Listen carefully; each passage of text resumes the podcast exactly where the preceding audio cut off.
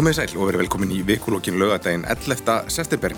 Dagsetning sem hefur verið allræmt undanfarnar tvo áratugi. Í dag eru slett 20 ár síðan hriðjurkamenn hriðust á tvíburaturnuna í New York með ófyrirsýðum afleðingum fyrir alla heimsbyðina. Við ætlum að rifja þessa atbyrðu upp í þættinum og reyna að meta áhrif þeirra á samtíman en komum þetta líka hengað heim og spáum aðeins í spilin. Kostningar að nálgast á spennan er jú að magnast.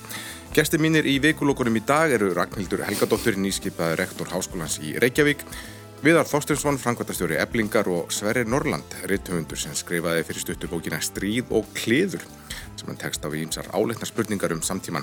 Við erum hærtalega velkomin, Elsumul. Takk fyrir. Ragnhildur, þú varst að taka við nýju starfi sem rektor Háskólans í Reykjavík til hamingi með það. Takk. Þú, þú, þekkir, nú, þú þekkir gangaskólans nokkuð vel og starfað þarna lengi. Ég þekki gangaskólans nokkuð vel. Jú, ég starfað þarna lengi og það er nú samt alltaf skemmtilegt að skiptum starf vegna sem maður þarf alltaf að setja sig inn í hérna hluti sem maður ekki hefur gert áður og skilð áður og það er bara alltaf ofsalega frískandi og maður vill auðvitað gera vel þegar maður hefur verið einhverstað lengi. Og hvernig, hvernig gekk fyrsta vikan? Hún var frekar galinn. Ég bind vonir við að einhverjar verði minna galnar en hafandi fylst með fyrrum rektor það er ég ekki alveg viss. Þetta er auðvitað óbúslega stórt batteri og svona að mörg að higgja og að mörg að higgja líka bara við staðsetningun á skólarum. Sko. Já, farið mörg svona... Gagvart öðrum skólum, gagvart öðrum hérna bæði skólum, aðeinlífi, alþjóðasamstarf og alls konar. Það ert ekki að fá bara svona kvappum að það vantar fleiri bílastæði og hvað svo leiðis.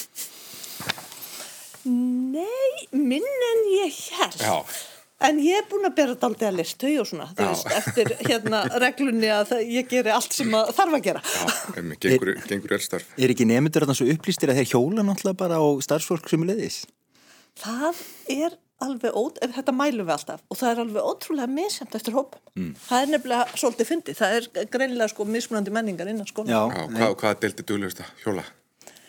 Íþróttafræðina sjálfsög hjólum í vinnuna er Já. þannig að þegar þau þurfa alveg óvart alltaf að koma við í Keflavík á leiðin í vinnuna og eitthvað svona, þá verðum við sem bara hjólum og breyðholtinu pingu döpur slögnana Viðar, þú ert búin að vera vinna hjá stéttafélaginu eblingu og að gæta hagsmuna launa fólks og atvinnuleysi var nú hér í hæstu hæðum en, mm -hmm. en er, er hraðrið niðurlega eða hvað? Jújú, jú, það er það og, og það er hérna mjög mikið að koma tilbaka af, af störfum sérstaklega í, í ferðarþjónustunni Já sem er bara ágætlega uh, ánægilegt og það er auðvitað líka mjög ánægilegt að það hefur tekist að, að hérna, standa við hinn gerða kjærasamning, hinn svo kallega lífskjærasamning sem að, að hérna, voru gerða mjög harðar allurað fyrir árið síðan sem að sumi kannski muni eftir, átti að, að reyna þar að afnema og fresta umsöndum launahækkunum og, og ég held að núna í dag síðan við mörgver í verkefælisreikunum mjög stolt og ánæg með það að það, það hefur tekist að sem sé halda þeim. Já, var það stærsta verkefni svona á, á undarfældun ári hjá ykkur? Já, við fengum þetta náttúrulega í, í fangi það er skindilega að þurfa að, að verja með um, kæft og klóm samning sem við kannski litum á sínum tíma á sem svona Já, í svona bestafalli ásættanlega mála miðlun eftir mm. mjög erfið að kjæra báratu en, en ég held eins og það er að verðmætin í þeim samningi hafi auðvitað orðið miklu meiri þegar að, að aðrir atbyrgur sem komið til og hérna og ég bara tek hjartanlega undir með áherslum uh, líka bara alþjóðsambandsins í því hvernig hefur verið rætt um það að, að hérna þetta, er, þetta var brjóstvörn í kreppunni mm. að það skildi að verið hægt að, að hérna, halda uppi sem sé viðunandi launastígi sem hafi mjög jákvæð áhrif á allt og á hagkerfið og, og er síðan að mínum að þetta þáttur í því að að hérna koronaviru kreppan var ekki verri heldur en að, heldur en að hefði getið orðið. Já, það tókst að koma ykkar félagsfólki bara svona í gegnum kúvin þótt að hafi kannski mistvinnu eða stíkt tímanbyttu. Sko það eru náttúrulega, það lengdust hér raðir mm. í, í hérna í matarútlundunum og, og á ákveðnum stöðum á landinu var þetta, var þetta mjög slæmt og kannski einna verst á suðunessum. Sem er að vísu utan okkar, okkar hérna, félagsræðis en auðvitað líka hér í, í Reykjavík því, því miður og ég hefði auðvitað viljað sjá að það hefði verið varið meiri fjármunum í hækkun atvinnulegsisbótana mm. Og ég, ég held nú að margir hljóti að, að horfa tilbaka og velta fyrir sér svona dómi sögunar um það hvernig sko samílum sjóðum var útlutað í þessari kreppu að það likur náttúrulega fyrir að það voru hér mjög artbær og stöndu stórfyrirtæki sem komast upp með það að sóa til sín ótrúlegan hluta af þeim verðmættum þegar að þeim hefði kannski verið betur varið þar sem að neyðin var, var meiri mm. uh, Sverrir, Rittumundar, hún er líklega svo stjætt sem er einna, einna best tólir svona innveru eins og, eins og COVID bauð upp á. En, en bókabransi var nú líka illa úti en þið eru nú svo betur fyrir að gera ykkur dagamun þessa dagana, það er bókmyndaháttið núna um helgina. Já, heyrðu, það er bókmyndaháttið, búin að vera að hósta miðugdægin og stendur reynda bara fram til kvöldsins í kvöld. já, Þá er þarna, þá er þess að loka hóf bókaballið fræga í yðnú. En svo reynda klukkan tvö og eftir eh, fer fram viðureik íslenskra reytöfunda við bókaútgefundur. já Og ég hef ákveðið að... í, í, í, fótbolta Já, í fótballta á Káur vellinum Já. og ég hef ákveðið að, snú aftur út af völlin eftir allavega tíu ára fjárveru sko. Búin að finna mér skó og allt og ég veit að það skjálfa, útgefundur skjálfa á, á beinunum Þannig að þessi þáttur er afslappaði hlutin að deginum þínum. Já, og það er aldrei mikið í húið þarna eftir. Hver, hver er besti uh, í, í, hver er besti útgefandin í fótbolta og hver er besti Ég, ég ætla ekki að gefa neitt út, það kemur í ljós eftir lengi en það, það verður engin eitt sérlega góður í því liði. Þetta verður háðurleg, háðurlegt sko. Einmitt. en, en já, það er búið að vera bókmyndaháttin ég er enda var nú bara að koma frá Fraklandi á fymtdægin var þar úti í tvo mánuði í sumar í, í hérna, síðbúnu fæðingarólafi þó að vinna sér svo sem alltaf á baki náminni líka. Já. þannig ég mista byrjuninni. En, en, en það er mist frábært að að það halda þessa hátíð núna. Og það eru hér stórir höfundar sem hafa komið ynga til landsystem Leila Slimani sem er, og, og Adizi og svona virkilega flottir höfundar. Einmitt. og, og, og ég fann, finna að það er svona, svona spenningur fyrir því að hittast og sjá andlitin og svona Svona upptaktur að, að bóka flóðinu uh, sem nálgast flög En eins og ég kom uh, inn á í upphafi þá er 20 ára ártíð hriðjörg árásana í bandaríkjunum og afleðingar þeirra það er átt eftir að lita allan heiminn á komandi árin. Ragnarður, þú varst í námi í bandaríkjunum á þessum árum í Virginíu. Jú, Hvernig, hvernig ma- mannstu þennan dag? það var óskaplega gott veður. Já, Ég man það fyrst og fremst og síðan að eins og alltaf þegar hæðilegi hluti gerast þá trúði maður sér ekki alveg. Ég var þannig einhverja hundrað og eitthvað kilometra frá Washington og maður trúði þessi ekki alveg og það var svona fyrst aðeins sami tótn og er þegar byrjar að gjósa á Íslandi. Bara ha? Hvað er að gerast? Förum og skoðum. Skilur í skólanum það sem ég var. En svo breytist þetta bara á örfa og mínútum yfir í að þessi dagur er einhvern veginn í kollinum á mér flokkaður með snjóflóðadögunum. Mm. 1995 það, það bara voru svo óskaplega margir og svo óskaplega tilviljana kent hverjir dói, þetta voru hátt í 3000 manns. Óbreytti borgarar mikið og það bara byrjaði eins og allt að vera sko koma nöfnin og eitthvað. Og þannig að þetta svona var svo upplifun sem Íslandingar því miður þekkja Já. þegar verða hræðileg hópslis. Þú varst þarna áfram næstu þrjú árin. Var, þú tókst eftir, var munur, var, var, var þetta bandaríkin fyrir hriðjörg árásir og bandaríkin eftir hriðjörg árásir? Fannstu fyrir slíkum mun? Nei, ég get nú ekki sagt það. Nei. Mér fannst það sömuleiti sko skarpara til dæmis í íslenskum fjölmjölum vegna þess að umræðan í bandaríkjónum það er eins og er ennþá.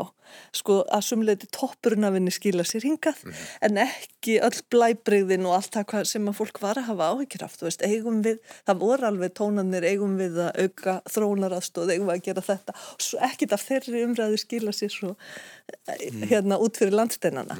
Þannig að Nei, ég get ekki sagt það, en auðvitað var þetta stór áfall. Þetta var á eiginlandi.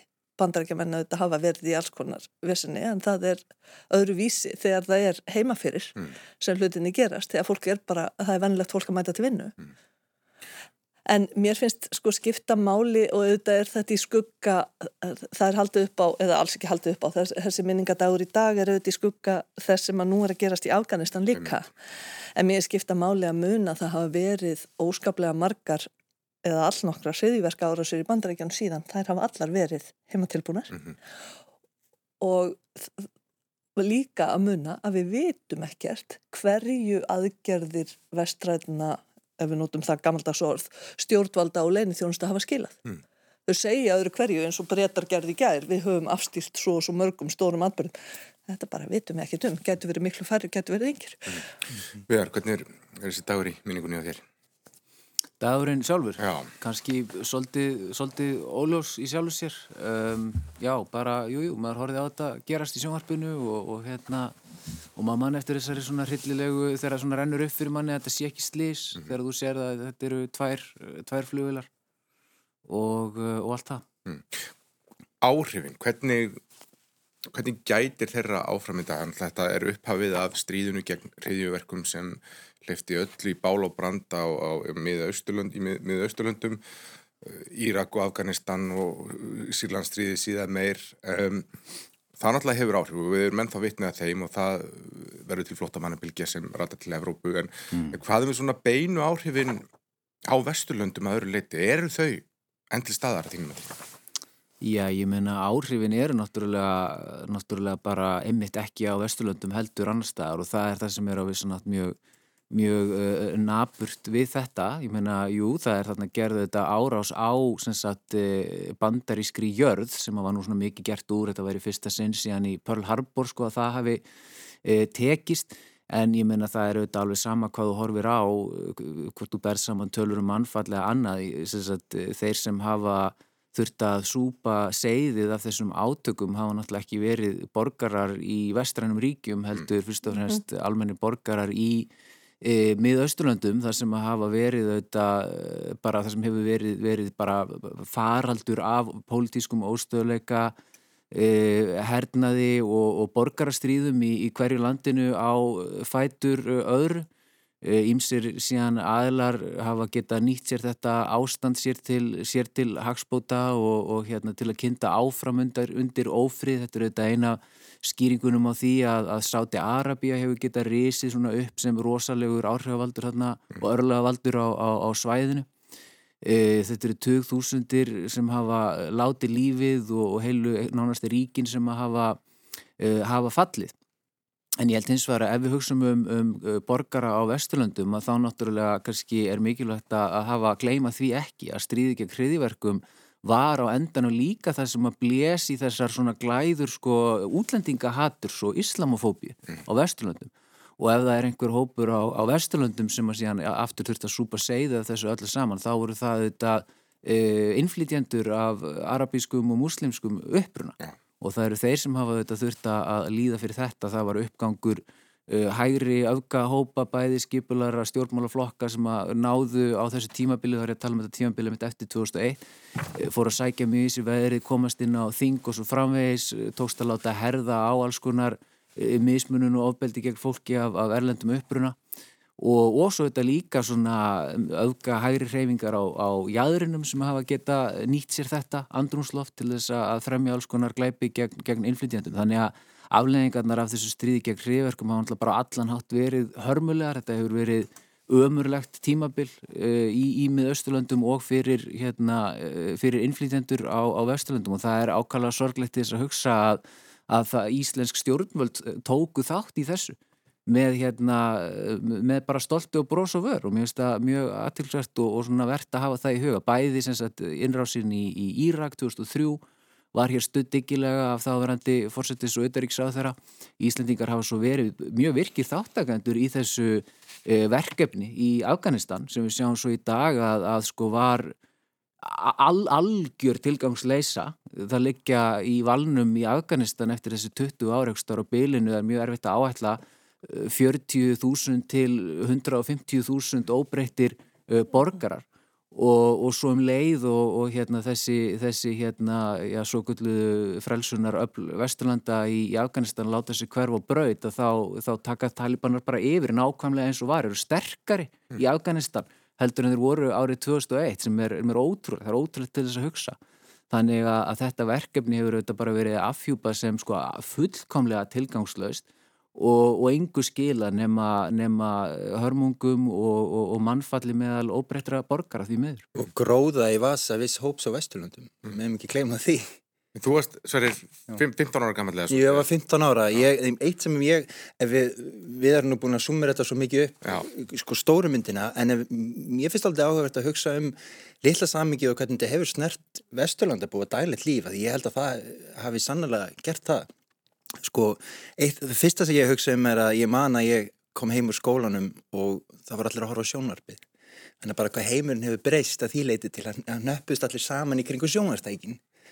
Þannig að tæknin hefur náttúrulega mikið breyst á skömmum tíma.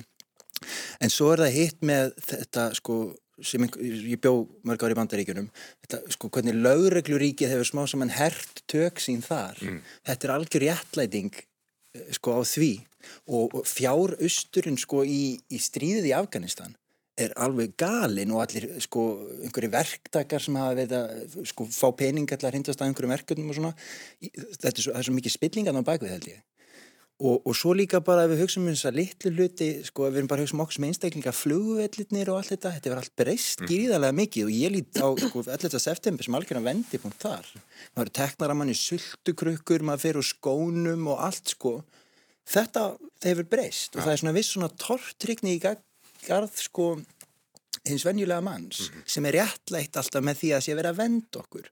En það var ekkert verið að venda með mig þegar sko sultukrukkunar eru teknar af mér og einhver vasanýfur og eitthvað svona. En þannig að það er þessi sko ótti sem er alltaf á bakvið allt.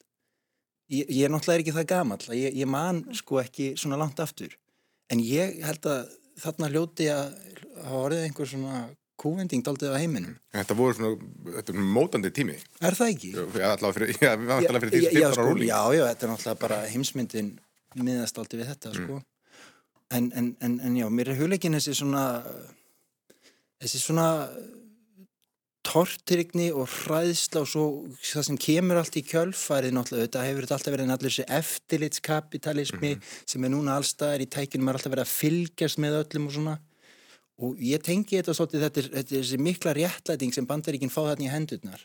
Og, og sem einhver sem hefur búið í bandaríkunum og, og, og veit hversu miklum peningum svo þjóð ver í stríðsrekstur til þess að venda þegna sína Já. þegar maður hefur búið í New York þar sem að fólk sko getur ekki farið á spítala skilur og, og, það, það, og þetta er svo þetta er svo rótið þannig að ég, ég staldur alltaf svolítið við þetta. Hallmundur. Ég held að eitt af því sem að væri og er óskaplega skemmtilegt að lesa sér til um í þessu er það sem að snerti mitt fag sko lögfræðina vegna þess að alþjóða rétturinn í þessu náttúrulega breytist. Þegar allt í einu bandaríkin eru farin og sko vitandi vits og með lögfræðilegum réttlætingum að beita pyntingum þá er maður komin á stað sem að 1998 þegar ég flytti ángað maður sá alls ekki fyrir sér. Ma- alls konar þið vitið, ekki alltaf sannarlega ekki alltaf, alltaf barnana bestir en allt sem að gerðist þar á undan var falið. En ég meina það að séu memo frá hérna dómsmálaráðinu mm ráðunetinu, hér er það sem má.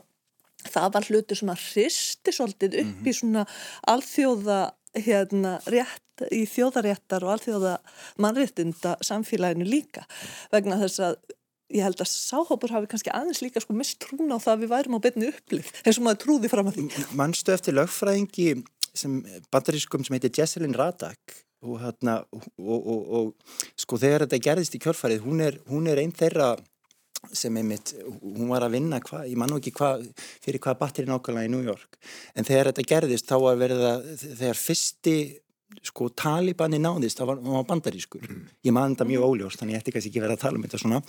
En, en það var þakkað niður og hún ræktist úr starfi og misti algjörlega trú á bandarist réttakerfi í kjörfarið og er síðan einn þeirra sem stopnaði samtök til þess að venda uppljóstrara og er einn þeirra sem hefur unnið fyrir snótin og fleira og fleira. En ég held að það hefur verið svolítið afhjúpað þarna margt sko í, í, í, í því hvernig bandaríkin starf og virka. Þannig að ég, það er kannski þetta sem ég reyna að ferja á þessi, þetta svona, þessi trú á uh, sko vesturlönd Já. sem þetta svona líð, sko þetta, þetta afl til, til góðs. Ég var að fletta hans í bandarísku miðlunum í, í morgun og sjá hvernig þeir eru að, rifja þess atbyrðu upp og minnast þeirra á þessum tímapunkti og rakst á nokkra greinar þar sem menn voru að segja að ef við tökum við tökum miða Östurlund út fyrir Svega og það er náttúrulega stór svíi uh, við, og einbyrjum á Vesturlund þá, þá sjáum við árangurinn var svo að hriðjuverka ógnin er ekki lengur til staðar. Og, og bara að, að því leiti þá virka þetta. Er það sannfærandi? Já, ég meina að það má náttúrulega líka bara spyrja sig hversu mikil, þú veist, var svo ógn hvernig, og hvernig mælur það? Ég, meina, ég held að það hljóti nú að vera svona í samhengi við margt annað held ég að hún hafi verið afskaplega hérna minniháttur og ég var nú að segja mér þetta er svolítið svona brútal nálgun sko þegar þess að tugir hund, hundru þúsundar liggja í valnum sko í öðrum heimslutum sem aflegging af þessu og þess að ég menna að fagna því að þeim að geta tekist að koma í veg fyrir einhverjar hriðiverk ára sér það sem kannski, ég meina fórtalum voru erfáir týr, þannig að ég gerir nú á nokkuð nátt lítið úr því. En nei, ég meina ég held að sérst, pólitískur óstöðleiki er áfram til staðar og ef að það var reyði og ónæja og biturð uh, sagt, stóra hópa fólks í öðrum löndum sem var á endanum kannski rótina því að þau örðu til þessar reyfingar eins og Al-Qaida eða Íslamska ríki eða eitthvað svo leiðis að þá er svo sannarlega sá uh, akur, hann er ennþá bara mjög blómlegur í þessum heimslutum og, og algjörlega ófyrir sér hérna, hvað aflengar það getur svo oft eftir að hafa. Svo, svo má heldur ekki gleyma því að saga sko, átaka í Afganistan hefst ekki með sko, komi bandaríkja ánga. Mm -hmm. Ég meina breytar voru, það hefur aldrei, það hefur alltaf verið átök mm. og þetta, þetta er svo djúpa flókin saga að, að, að sko í, í rauninni hefðu mátt myndi vera ljóst frá uppafi að þetta myndi aldrei enda vel sko. Já, en kannski þetta haldur til haga að stríðunum gegn hreyjörgum er auðvitað ekkert loki það eru bandarækina ennþá með dróna í Sahara eðumörkinni og voru bara stækka við sig þar held ég bara í vikunni ef ég, ef ég las fréttir, fréttir rétt Jú, jú, og fyrir ekki bestið það kannski líka bara verðt að spyrja sér, minna að hvað miklu leiti var þetta raunverulega stríð gegn hriðjverkum mm -hmm. og að hvað miklu leiti var þetta bara stríð í þá einhvers allt annars eins og hérna Sverrir kannski kom inn á áðan að þetta er auðvitað líka ég menna það, það er bara mjög mikil þrýstingur og mjög mikil hagsmunöfl sem að, að, að bara vilja að það sé reglulega farið í stríð. Það er mm. herrgagnuðinnaðurinn hefur mjög mikil mm. hagað því og allur yðinnaðurinn í kringum þetta bara bandaríska herin, hann krefst þess að það sé öru hverju farið í stríð og svo ertu líka með óljuhagsmunni og svo ertu með hagsmunni annara uh, aðila þarna á svæðinu sem hafa fitnað þetta alveg gríðarlega mm. sem aflenga þessu og þar hef ég kannski aftur sérstaklega í huga Sáti Arabi. Mm. En vegna þess að það er 11. september í dag þá legg ég nú samt til að við munum að það, það sem gerðist þá og ég held að ekkit okkar farið þangað í kenningunum að við teljum að það hafi ekki gerst eða verið skipulagt heima fyrir. Þannig að þetta er bara vondur atbyrður sem er vondur fyrir alla og það sem gerist á, þetta er vond, hann er vondur fyrir þess að 3000 sem eru þar, hann er jafn vondur fyrir alla þá, það er 2000 sem á eftir koma mm -hmm. og þannig að þetta er bara mm. slæmt hefði verið hægt að spila betur úr? Kannski, en þarna er samt atbyrður Já, já. Uh, Mér langar að halda mér aðeins í bandaríkjunum áðurum kominga heim að í Texas þarf að vera að samþykja umdild tungunarófslög sem banna tungunaróf eftir sex vikna meðgöngu. Skiptir engu máli og engar undan þá gefnar saman hvort þetta sé eftir nögun eða hvaðina og þetta er, það er ekkert annað ríki gengið svona langt og hvað hva veldur þessari breytingu? Hvers vegna hefur verið að ganga svona á réttindi hverna þarna í Texas núna? Svo ég spyrir í lögfræðingi fyrst. Það sem er skrítið við þessi lög fyrir utan hérna sexveikunar er að það er sett í hendur enga aðila að saksækja eða sækja fólk fyrir þetta og ekki konuna sjálfa, það væri einum ofgur oft heldur til dæmis þá sem keiran á staðinn og þá sem maður framkvæma fórsturengar. Þannig að það sem er verið að gera er reynilega að það er verið að útrýma þessu möguleika praktist og án þess að banna hann alveg. Og það sem að gerðist semst í vikun er að, er, já, er að hæstiréttu bandaríkjana neytar að stöðva, neytar að stoppa lögin og meðan er farið í mál út af þeim en nú hefur hins vegar dómsmálraðanetti bandaríkjana höfða mál út af þessu gegn Texas ríki að mhm. þetta sé hérna augljóslega í andstöðu við stjórnarskrá. Eitt af því sem er, þarna er að Texas er í raun og verið að reyna að fylgja í kjölfar nokkur að ríkja í miðríkjónum þar sem er enginn sem býður fórsturengar. Á þess að það hafi verið banna, það bara er of mikið vesen og þau eru bara að reyna að gera þetta of erfitt þannig að möguleikin sé raunverulega ekki fyrir hendi og sérstaklega ekki fyrir kannski konu sem að mestur var þess að halda sem er í erfiri stöðu hérna jaðarsettar með litla peninga erfiðum fjölskyldu aðstæðum og svo framvegis því það er ekkert að fara að fara til Oklahoma eða Kansas endilega mm -hmm. yfir ríki þvert á endilangt gista og allt þetta mm -hmm. þannig að það er að mínu viti ansi grimmilega að verið að fara í praktíkina í málinu til að fara fram hjá mm. réttinum Við sem, sem fylgjast með þessu frá að utan og þekkjum kannski ekki til málar og gjörðlega í Texas ríki komið ánga þetta þetta horfið manni eins og svona einhvers konar afturför að það hefur verið mm. viðsnúningur í viðhorfum en, en kannski er þetta meira eh, innan gæsalappa raugrætt framhald af viðhorfum sem hafa verið græsandi eða hva, já, já, hvað þú við þær? Já, ég meina, þetta er náttúrulega bara hérna, hernaður feðra veldisins gegn konum er náttúrulega bara, þú veist, honum er alltaf ekki lokið og er í fullum, fullum gangi auðvitað og, og hérna, þetta eru ótrúlega stórar og öfluga reyfingar sem þarna standa baki auðvitað í bandaríkinum. Þetta er hérna e, Þetta er þessar evangelísku kirkjur og þetta er republikanaflokkurinn og enda laust e, sko, hafsjór af samtökum og, og hérna, lobbyum og, og svona hópum sem eru gríðarlega vel fjármagnar sem eru tilbúinir að setja þessa pressu við hvert fótmál til þess að berjast fyrir þessum uh, málum. En það sem er kannski svo sorglegt við þetta að þetta sé að gerast núna sko eftir að við höfum og bandaríkjaman hafa guðs í losna við Donald Trump er það að þetta eru þetta eftirkostin af Donald Trump mhm. líka mm -hmm. vegna þess að hann áði að koma inn þetta skipun uh, Brett Kavanaugh í hérna í, í bandaríska hæstiréttin og svo er það hann núna sem neytar að fara og, og beita sér í málunni svo hann hefði alltaf geta, geta gert sko. þannig að við erum náttúrulega líka að, að takast á við það því miður. Að, að þó að við höfum losað okkur við hann og, og sér komin svona frálstindari hann að fórseti að þá svona erum, erum við ennþá að takast á við aflengan og þetta er alltaf eitt að hættulegast við, við fórsetembætti í bandaríkinu það er þess, þetta að geta sem sagt skipað fólk inn í hæstarétt sem getur svo haft áhrifum bara ókána tíð sko bara þangað til að drefst. Mm -hmm. en hérna, en já, ég tek undir með Ragnhildi líka með þetta atriði með þess að sko, ég bara nánast áður óþektu villimennsku í sambandi við þessi lög, þetta er raunverulega þannig að sko ef, ef að ég sé leigubilstjóra að keira konu á uh, stað þar sem fósturinn fer fram, þá get ég farið og lögsótt þennan leigubilstjóra mm -hmm og, og, og ég get haft upp úr krafsinu hvaða, 10.000 dollara pluss málskostna. Það er ótrúlega hvernig það verður að egna líka samborgurum svona hvernig gegna öðrum.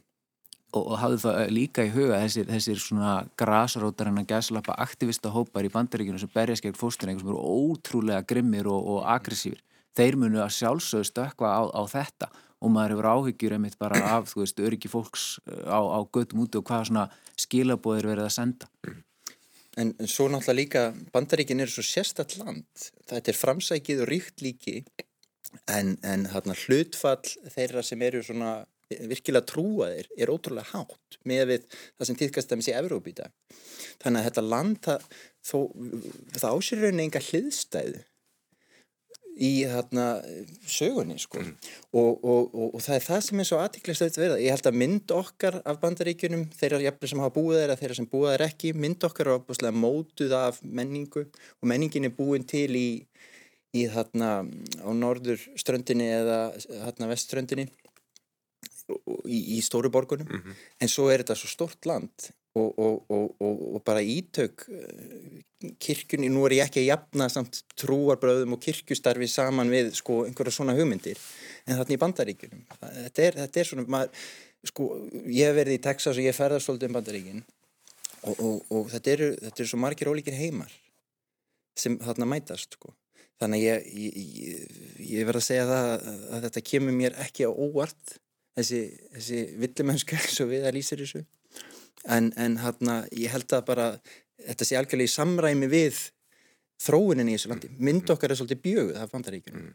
Rækkaldur, ertu já, er raunhæft að þessi, þessi lög náðu fram að ganga eða heldur um meðrannis ljósi þess hvernig bara hæstirétturinn er skipaður að, að þá falli úrskurður Texasríki í vil?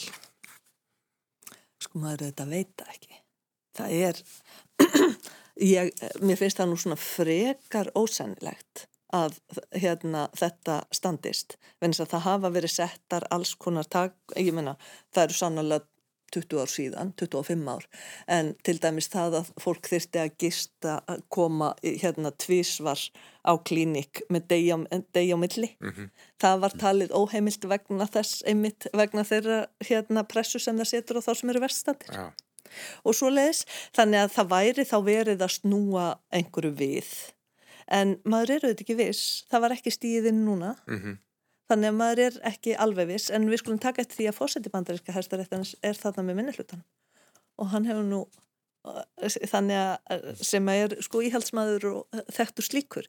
Þannig að hug, ég minna maður er alltaf vonkóður um að fagmennskan sem fælst í því að hérna fordæmir á því að hún á endanum trombi. Ef þið voru að komað viðtækjanum þá voru að hlusta á vikulokkin. Gæsti mínir eru Sverri Norrland, Ragnhildur Helgadóttir og Viðar Þorstinsson. Um, svo við komum yngað heim, þá er kostningabortan í fullum gangi. Það eru tvær vikur í kjördag. Sverrir, þú skrifaði bók sem heitir Stríð og kliður. Svona tilrönd tín til að greina samtíman og, og meðal þeirra mála sem eru ofalega og bauði þeirri bóka eru lofslagslínun eða hamfara hlínun og samtjöfun auðs. Þetta eru mál sem þú hefur áhyggjur af og þau mál eru ofalega og bauði núna í þessari kostningabortu. Já, svo sannarlega.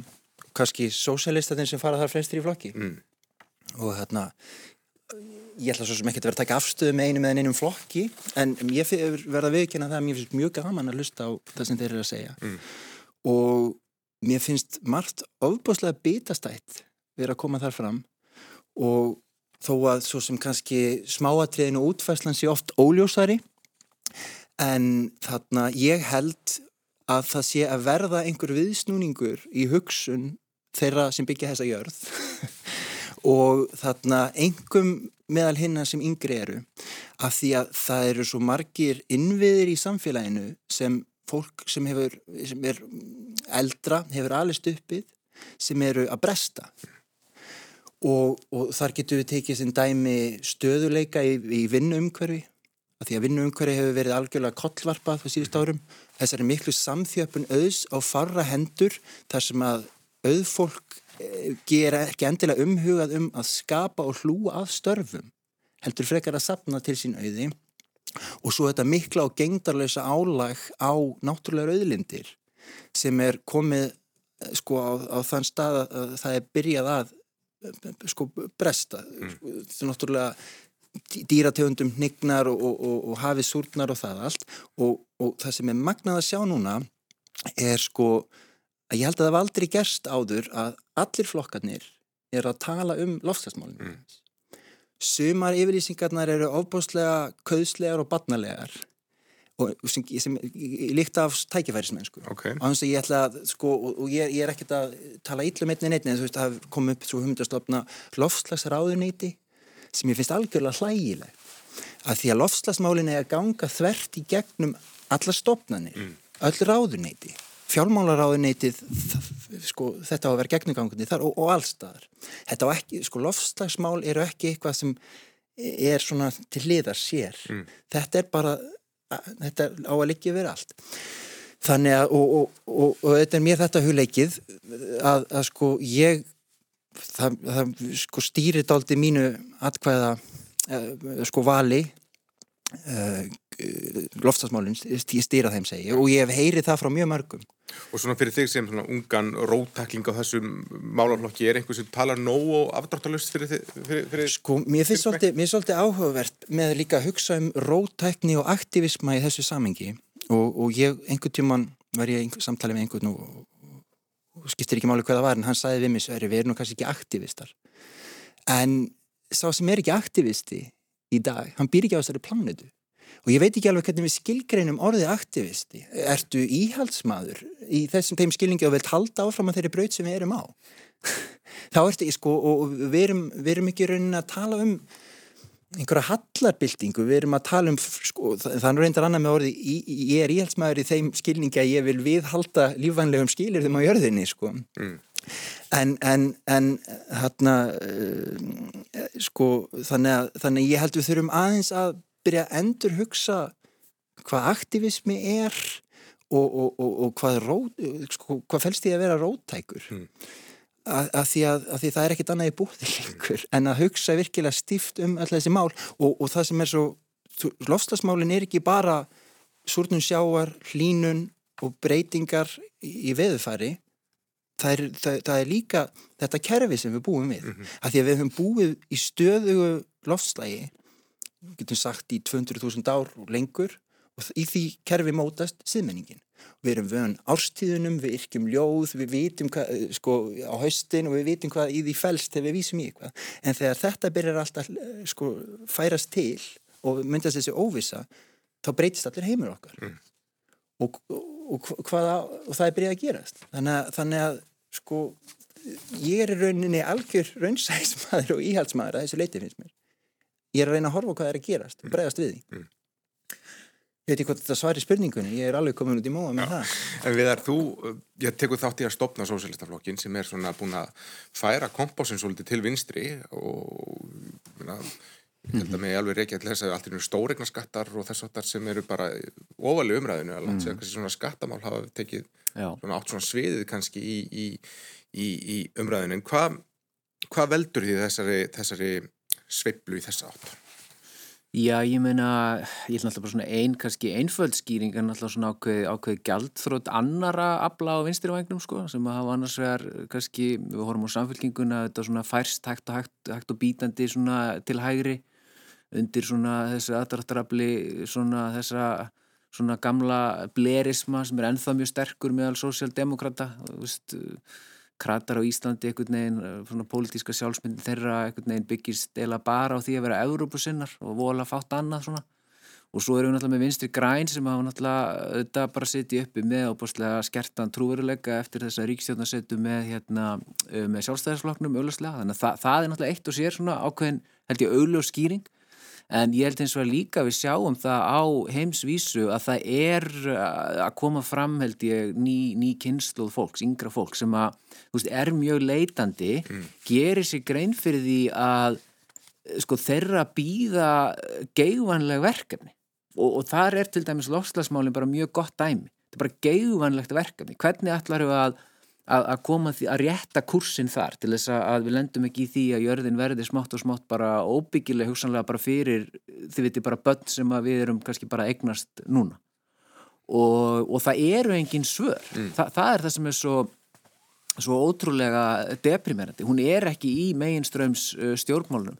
Hugsunin er svo, er svo, er svo, er svo smá uh, umræðan er svo, svo yfirbóskend og svo klísjukend þú veist, þetta er, þetta er einhvern veginn allt á sömu bókina lært, þessir hérna, þetta er verið einhvern veginn ein og sama svona tiltölulega uh, áhyggjulösa stríð, alltaf stjettin þar sem fólk einhvern veginn svona að ég veit ekki, lepur hvert eftir öðru eitthvað að frasa um heilstæðar nálganir og hvað nú er. Og, svo, og sama tíma er sko jörðin að brenna. Og, og ég held að það gerir það verkum að það er svona móttækileiki fyrir því að, að fara að hugsa einhvern veginn stærra og róttækara. Mm og ég held líka að, að það spil inn í þetta að sko lofslagsmálin er í eðlísinu ekkert flókin. Þetta er ekkert eitthvað stjarnvísindi. Þetta, þetta er tilturlega einfalt. Við þurfum að draga úr sagt, losun á hvernig efna sem við vitum alveg upp á hár hvaðan koma. Mm -hmm. og við vitum upp á hár hverjar afleggingarnar eru. Og ég treysti mér að fullera að allur meiri hluti almennings er algjörlega tilbúin í þennan slag. Ég meina já, við munum þurfa að gera breytingar á okkar lífi og svo framins og framins fólk er að býða bara eftir að stjórnmálinn fari í verkið og gangi verkið en af hverju gera það ekki? Jú, þá held ég að sé ágætt að, að dösta ríki bara á svona síkildum kenningum okkar sósélista um það hvernig kapitalist samfélag virkar. Það er dóminerað af sérhagsmunum og skamtímahagsmunum auðstjættarinnar. Það er ástæðan fyrir því að það er ekki búið að grípa til aðgera í þessum málum. Það er vegna þess að það er bara búið að eitthvað neginn sko pakka sviðið af þessum fulltrúum þessara sérhagsmunahópa sem hugsa aldrei um annað heldur en sjálfa sig og sinn skamtíma hag sem er sá að, að auka arðsemi sína til skamstíma. Mm og, og eina svona framþróunin innan gæsalappa sem við séum í því er núna e, jú, að sjálfstæðisflokkurinn er skindilega farin að byrta á strætóskílum hérna, orðið orkuskipti en hvað þýðir það? Hvað mun það þýða fyrir, fyrir hérna, e, sjálfstæðismenn og hver er hugmyndin? Ég skal segja ykkur nákvæmlega hver hún er. Hún er svo að nota ríkisjóð til þess að niðugreiða það að hérna, auðmenn og yfirstjættin geti keift sér testlur og ódýrara en það verður fjármagna með því að láta efnaminna fólk borga herri totla í, í, hérna, fyrir bensínið og díselið á, á bílana sína fyrir þá sem hafa ekki efnaði að kaupa sér rámaspíla. Mm. Þetta er hugmyndi. Já, uh, einn svona bara praktísk spurning fyrir til og með þeir sem framkvæmtastjóra í, í verkefælisnefningun. Uh, fer alltaf saman sem svo að berjast fyrir bættum kjörum starfsmanna og til dæmis að berjast gegn uh, lofslagsbreytingum bara því að einhver fyrirtækjegandi sagt ok, vil ég herri laun þá þarf ég að framlega meira, ég þarf að selja meira ég þarf að stækka sótsprófið og svo framvegis er einhvern tíman hagsmunur áraustur þarna á, á milli? Þa, það verður svo sannarlega hagsmunur áraustur ef að hugmyndin um, um það að leysa lofslagsvandamálið er það til dæmis að færa auknar álugur og lífskræðskerringar á fólk sem er nú þegar að berjast í bökkum mm. eins og við því miður sé að gerast og ég þreytið aldrei á að minna á dæmið af gulu vestunum í Fraklandi sem var uppreysn almennings í Fraklandi vegna þess að það átti að, að færa eldsnittis álögunar yfir á fólki sem að sko var orðið og fátækt þess að geta búið í sko hérna inn í miðborgum stóru frönsku stórborgarna vegna þess að það er fastegna búin að riðja þeim út. Allt þetta fólk hefur neist þess að flytja í útkvarfin þar svo að keira í vinnu mm. og nú átti, nú fekk, hérna fengur fransk stjórnvöld á snildar hugmynd að fara að bregðast við lofslagsvandamálunum með því að láta þetta fólk sem sagt borga meira í bensín ef, ef þetta er lausnin sem á að bjóða almenningi á þessum áskorunum, já, þá er það svo sannarlega mjög mikill hagsmuna áraustur og þessna tek ég mjög undir það þegar það er talað um e, réttlátt umskipti. Það er algjört grundvallar atriði í þessum umskiptum sem við munum þurfa að takast á við. Þa, það, það mun verða sendur reikningur vegna lofslagsmála á, með, með einum eða öðrum hætti að þá eigum við að halda því á lofti að, að sá reikningur að honum sé útdelt á forsendum einhvers konar jöfnuðar og það er bara barata sem að við stöndum í og, og hérna ég reyndar við gætikla því að alþýðsambandi hefur einmitt verið að, að tala á þessum nótum. Það eru réttlátt umskipti sem skipta öllu að þessi reikningur sé sendu til þeirra sem að fyrstulega hafa efnaði að borgan og þeirra sem endunum bera miklu meiri ábyrg sem eru stórfyrirtækin sem auðvitað upp til hópa eru ábyrg fyrir losum gróðurslóft. Mm. Rakeldur, hvernig orfa þessi mál við þér? Ég ætla sannarlega ekki að stíðin í flokkapólitíkina en ég menna ég tek undir með þeim báðum að það er verulega annað að tala við fólk sem núna er tvítugt heldur þess að fólk sem núna er þrítugt mm. og það er bara annar áhugi það er, öðru, það er í raun og veru sko finnst mér vatnaskill í því hvernig hérna, fólk talar um pólitík og hverju, hverju það hefur áhuga á og hverju það hefur áhyggjur af mm. og ég held að það skipti máli að fólk millir 1. og 50 og þaðan að veldra hafi sé meðvitað um það að upplifun þeirra sem nú eru tvítvíðir á heiminum er að sum leiti að þeir sé að fá ansi stuttstrá þau sé að fá bara verulega stuttstrá mm -hmm. í umhverjusmálunum, í húsnæðismálum velkomin á reikvískan legumarka til dæmis og alls konar hlutum og, og þar auðgjörðu þau með pressunna á samfélagsmiðlunum allt þetta. Þannig að ég held að við eigum að vera alveg ofbúslega meðvituð eh, sko um þessi vatnaskil og það að þessi hópur það þarf að taka hann með og tala við hann. Mm í, hérna, í öllu, þessi og, yngri og mér finnst hugmyndin um þetta að sko lofslagsmálinn kipi teppinu að sumleiti undan sammeilari upplifun og menningu, mér finnst hún svakalega skemmtleg mm. Eitt af því sem ég hef komið að undanfærin ár er hérna gerð stefnu vísind og tæknars og þar eru auðvitað lofslagsmálun og umhverfismálun beinleins samfélagslega áskorun sem að verður að takast á við með vísindum og eitthvað. Og mér langar alltaf að tengja inn í það sem við að, að þar er alls ekki bara verið að tala um það að við mælum bráðunum njökla mm það verðum við sannlega að gera. En svo þarf að fylgjast með félagslegum áhrifum það þarf að fylgjast með áhrifum á vinnumarkað það þarf að hérna, vinna á mótið þeim og hugsa þetta áfram. Og þetta var alls saman í, inn í þeirri umræðu. Þannig að þetta er, þetta er svona víða mm. í gangi. Eh, Þetta kemur kannski líka inn á að sem, maður sko bara tvittir ungd fólk þar sem talar gegn kapitalisma og talar eitna, hérna, fyrir sósialisma og eitna, uh, það er að nota hugtök sem voru bara þallir fyrir stuttu nánast eitruð og fær kannski frá svörin frá þeim sem eru 40 pluss sem segja, herðu bara þú þekkir ekki sögun og þú þekkir ekki Sovjetríkin og þú þekkir ekki etna, þannig blóðu að fara á einhver sem fylgir og þú talaði með einhvern sem er 20-30 og herru ég tengi bara ekkert þetta, ég er að hugsa um hvað allt annað. Já, og maður er að draga þann lærdum af sögunni að hlutin er ekki sig alltaf? Já, ég skal ekki segja. Þetta er kannski einhver skortur á stakfræði þekkingu stundum en, en svo er þetta líka einhver bjart sinni mm og ég held að fólk sé bara búið að fá svolítið mikið upp í kók líka með og sjá eitthvað svolítið mikið í kegnum margar hliðar kapitalismans Já. en auðvitað má ekki gleyma því að kapitalismi er ekki alls slæmur. En ég held að, að, að öll hugmyndakerfi sko er, þau, þau fara í gegnum einhverja einhvert ferli, ég held að kapitalismin sé bara gengin svo lág mm. við erum komin á einhvert stað í sögu kapitalismans sem, sem það sem við þurfum aðeins að stíga tilbaka þannig að þetta er ekki endilega spurt svartkvít við þurfum að afskrifa kapitalisman fullkomlega. En, en annað sem langaði aðeins að benda á líka með þarna, hvernig ungra, yngra fólk kannski hugsaður um þetta. Ég held að það sé ofbúslega mikilvægt að við fáum unga leðtoga inn og, og, og, og eins og með andlegu hliðina sko að, að fólk horfi fram á veginn og hugsi sko við sitjum í súpunni og ég þóli ekki þegar einhver hlær sem er kannski sko, komið nálega starfslokum og segir en það eru þið sem þurfið að leysa þetta mm. það á ekki að tala svona um yngra fólk sko.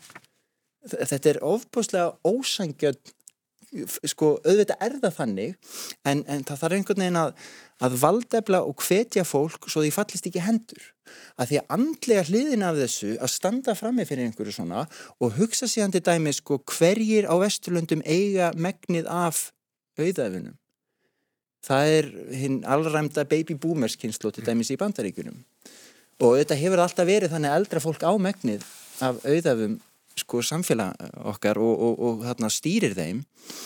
En, en, en sko ég hugsa stundum sjálfur þegar ég bjóð en þú út í New York og fór virkilega að sökka mér í það þá fannst mér eins og ég þurfti að fara aftur í nám.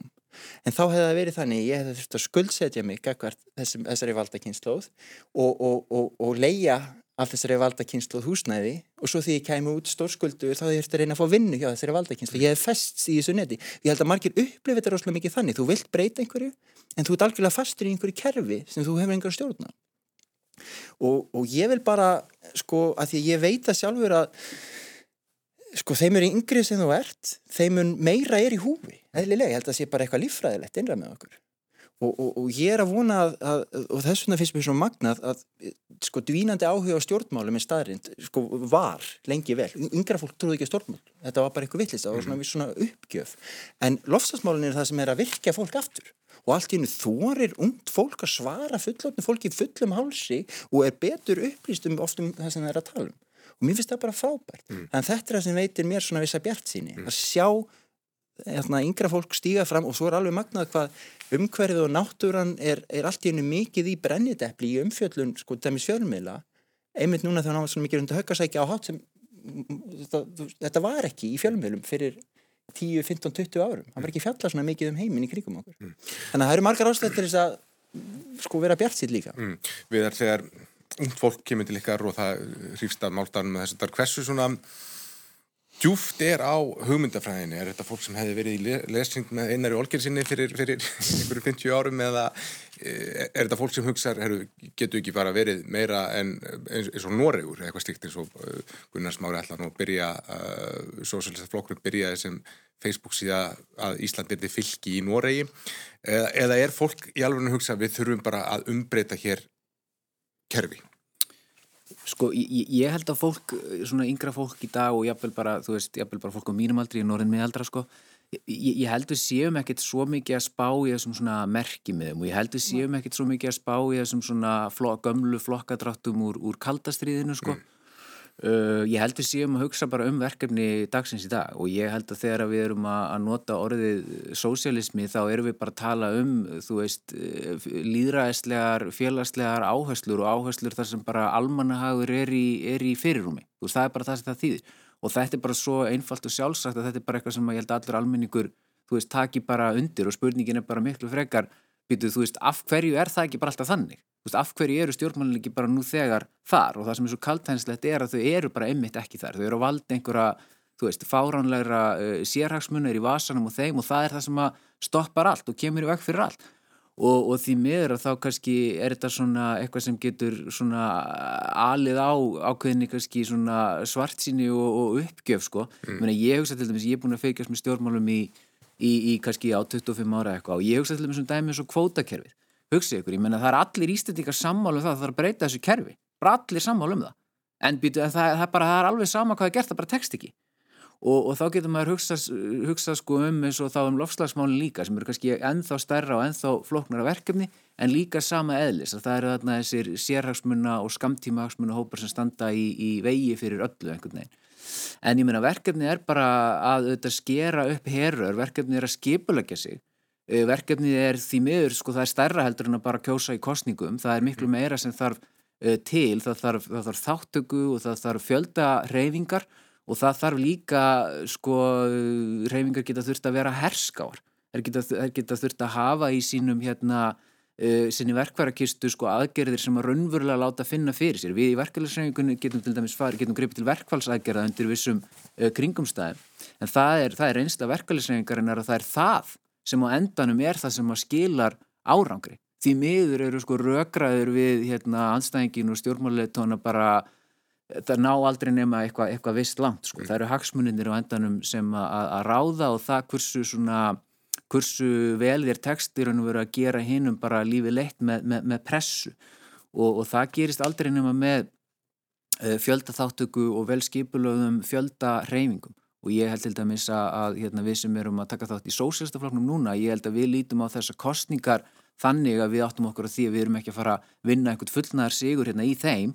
Og endanum er það heldur ekkit sem að myndi hvort sem er duða til, við þurfum meira, við þurfum sagt, stórar fjöldarhefingar sem beitar sér uh, á alls konar vettvangi, ekki bara einan alþingis, heldur líka í verkefælisreifingunni, líka í kringum viss málefni og, og þetta er á endanum, þú veist, stóra verkefni okkur. Mm. Um, Ragnhildur, mér er að koma aðeins inn á lögfræðina í lókin, réttarkerfi kannski, að málefni KSI sem hafa verið til umræðu síðustu tvær vikur í tengslu við kemferðisbrot og þar hefur átt sér stað í kjölfarið nokkuð óvægin umræða, lögfræðingar er að byrta laurugluskíslur og dómsmálaráður er að gaggrina vararíkisaksóknar fyrir að blanda sér í umræðina á, á samfélagsmiðlum. Um, þessi málaflokkur innan kannski réttarkerfisins er komin í já, það mikla rógöngur að fólk er farið að fara meðan frekar út á ofinbjörnsvið? Nú langar mér til að fá að byggja þá sem hér eru og hlustendur um ákveð hérna, ákveðna hugaleikvimi sem er hugsið í öll samtölinn sem þið hafið átt við kallkynnsvinn ykkar þar sem að einhver er lamin. Þið veitir, ég var á Interrail og svo vorum við á lestastöðinni í eitthvað og svo kongur og eitthvað, skiljiði, og endar í slagsmálum er lítið því svo á að það eigi átomatist að vantreysta því vegna þess að það var ekki kært mm. á lestastöðun í Bern 1999 mm. má viðkomandi þá ekki segja þá sögu er hann ekki hluti af þeir sem að viðkomandi er með í farangu þannig ég held nú kannski að jú, réttarkerfið þarf sannarlega að bæta sig og réttarkerfið þarf sannarlega að taka á að vera og kannski ekki réttarkerfi sjálf heldur bara refsivörslu eða svona réttarvörslukerfið allt saman Já. er ókvænlegt en við þurfum líka muna að fólk á sína sögu þóða ákveði að eigða ekki ári tveimur af lífi sínu í að fylgja eftir atbyrði rétt eins og við byrjum 11. september mm. sem er ömurlegur fyrir alla mm. Þannig að það er bara hérna, þannig að við, mér finnst við þurfum að muna það val og hugsa alltaf um gaurinn sem var lamin og lestastöðin í Bern eða einhver starf áður en við förum í mm, mm, það að, hérna, það að það sé ekki farið þá leið að kæra því þið annarkort að réttarkerfi sé omlegt, það eru gallar á því, klárlega, það þarf að bæta eða að fólk sé ekki að segja satt, ekki að taka alvarlega og svo framveist. Mm. Því öll eigum við lífið okkar. En, en hvað segir þá um, um þær rættir sem myndir segja þessi mál eiga bara, ef þú kærir ekki, þá bara þessi mál eiga heim í réttakefni, ef þú vilt fara fram á, á einhvers konar réttlæti og orðið að segja söguðina til þess að uh, smán einhvern eða hvað við viljum kalla það, eða fá eitthvað svona uh, réttlæti líðsins með þér, Menna, þá, þetta á bara heim í réttakefni. Höfum við dæmi bellins um það? Ég held að við höfum að horfa á það að í langflestum tilvikum þá eru þar konur sem umræðir og ég ætla bara að hlæfa og segja að það séu konur þó að það séu þetta kalla sem er það fyrir ofbeldi líka. Það er, það er mjög sjálfgeft að það er nafngræni. Mm. Það eru kæftasugur, það eru aðri sem taka það og það er bara ansi, mér finnst við um að hugsa ansi vel hvert við erum komin ef að það er ekki hægt í mm. takmarskuðum hóp eða hópu vinkvenna eða á hérna að segja frá einhverju sem að sannlega gerist. Mm. og þarna þetta var haft samband við KSI við erum líka að tala um fólk sem er hérna fyrirmyndir og svo framvegis sko. Þannig að mér finnst þetta, þetta er óbúslega marglega mál. Og mér finnst stundum gleymast þessi sko sársöki sem er grunnurinn. Og það er óslega auðvelt að og það hefur gerst og ég veit að margir upplifðu fyrstu viðbröð stjórnar KSI í þessu þannig að það sé verið að trivialisera, mm. smætta sko mm. sásöku að hvenna sérstaklega, bara hann skipti ekki máli en það var talað ílum mig og það er svo sárt en við þurfum að passa okkur Já, að jafnger ekki sko. man, Mér finnst það svolítið merkilegt hvernig, ég menna, nú hefur íþróttarhefingunni kannski gengið bara alveg ágætlega að takast á við ímis mál svona á síðustu árum sko. Ég talaði hérna sem sko fóreldri, fadir takja drengja sem eru í Íþróttum í dag og ég var sjálfur svona krakki sem bara algjörlega þóldið þetta ekki. Leð mjög illa í, í hópíþróttum, fann mig ekki aðar og stemningin var ekki, var ekki fyrir mig. En stemningin hefur breyst og hún er, hún er allt önnur og, og, og betri. Mm. og þú veist málun er svo einelti og slíkt þú veist það eru áallanir um þetta og ákveðin vitund og það er líka mikil vitund um sko kynja jafn réttir en að gera hvenna íþróttum jafn háttundur höfðu og eitthvað svona en mér finnst það bara skelvileg vombrið að sjá hvernig KSI tók á, á þessu máli og, og hérna og í raun og veru ótrúlega að hugsa til þess sko, hvort að þarna hafi jafnvel bara sko einhvern veginn verið bara gert að engu. Ákveðin svona í ákveðni og stemning og gleði í kringum þið viti hérna velgengni katalansleisis í fókbólta eitthvað svona, það er ótrúlega ömulegt þess að hugsa. En, en varandi þetta með dómskerfið, ég minna mér finnst það bara svo skrítið að í þessu málum að þá sé hérna í raun og veru verið að nota alltaf þessa vísun í dómskerfið til þess að bara skjóta sjálfum sér undan bara sjálfsær og eðlilegri bara svona siðferðslegri, mm. þú veist, samfélagsábyrð, mm. skiluru. Ég meina það er bara það er bara ábyrð okkar allra og sérstaklega kallmanna að, að þú veist, taka á þessum vanda og gera það bara með þeim leiðum sem að, að við höfum og er bara hægt að, þú veist, kynna sér og, og, og, og spá í og það sem er mjög svo ótrúlegt er að hugsa líka um allir þessi dæmi um bara svona tilturlega vel þekta grófa eh, kynferðisofbildsmenn sem að fengu jafnvel að vaða uppi innan stopnana ég, meni, ég, ég hugsa bara alltaf um dæmið af, af biskupi Íslands. Hér, hér var, hér, var, hér var biskup yfir Íslandi sem var bara komi í ljós að var bara það vissu allir sem störfuði innan þjóðkirkunar af því að maður væri kynferðisbrotamæður. Það vissu það bara allir og, og hérna og, og, þetta verður alltaf að vísa málum í einhvern það þurfur þurf nú að koma hér fram sko dómur, það þurfur að dæma menn fyrir dómstólum til þess að sé hægt að gera nokkuð í því. Þetta er algjörlega bjöguð hugsun og maður spyr sér bara hvað hva annars það er myndið þetta eiga við? Mm. tek undir með Ragnhildi bara við eigum að mynda að hugsa þetta svona út frá bara öðrum dæmum um ofbeldi og samfélagsmein sem að við erum hér auðvitað bara að taka stáfið þú veist dagverðin og getum gert ímestett í á þess að það þurfum að að fara fyrir hæstarétt. Mm. Tímin er eiginlega alveg að hlaupa frá okkur, þannig ég kem nú fótbollastjórnunu hérna í, í, í, í hófnum ekki að í lokinni þessari umræðum. Bara rétt, þú, þú ætlar að spila fótbollta í dag en hvað ætlar að gera meira? Hvað ætlar ég að gera meira? Já, Já eruð eftir það er hérna málsverður, bókmyndahottið sem ég mun hitta höfunda og útgefundur og fleiri og svo er bókaballið í þinn nú. Ragnhildur, hvernig er helgið því? Það verður farið austur í sveitur og gengi á fjall. Já, ég ætla að lesa ljóð. Ég ætla að kaupa hérna nýju ljóðbókinans uh, Haugs Ingvarssonar og, og lesa hana um helgina. Þetta eru guðuar fyrirætlanir sem ég vona rætist allars í einu og öllum. Kæra þakk fyrir komina Sverri Norrland, Ragnhildur Helgadóttir og Viða Þorstinsson og góða helgi. Takk. Takk fyrir spjallið.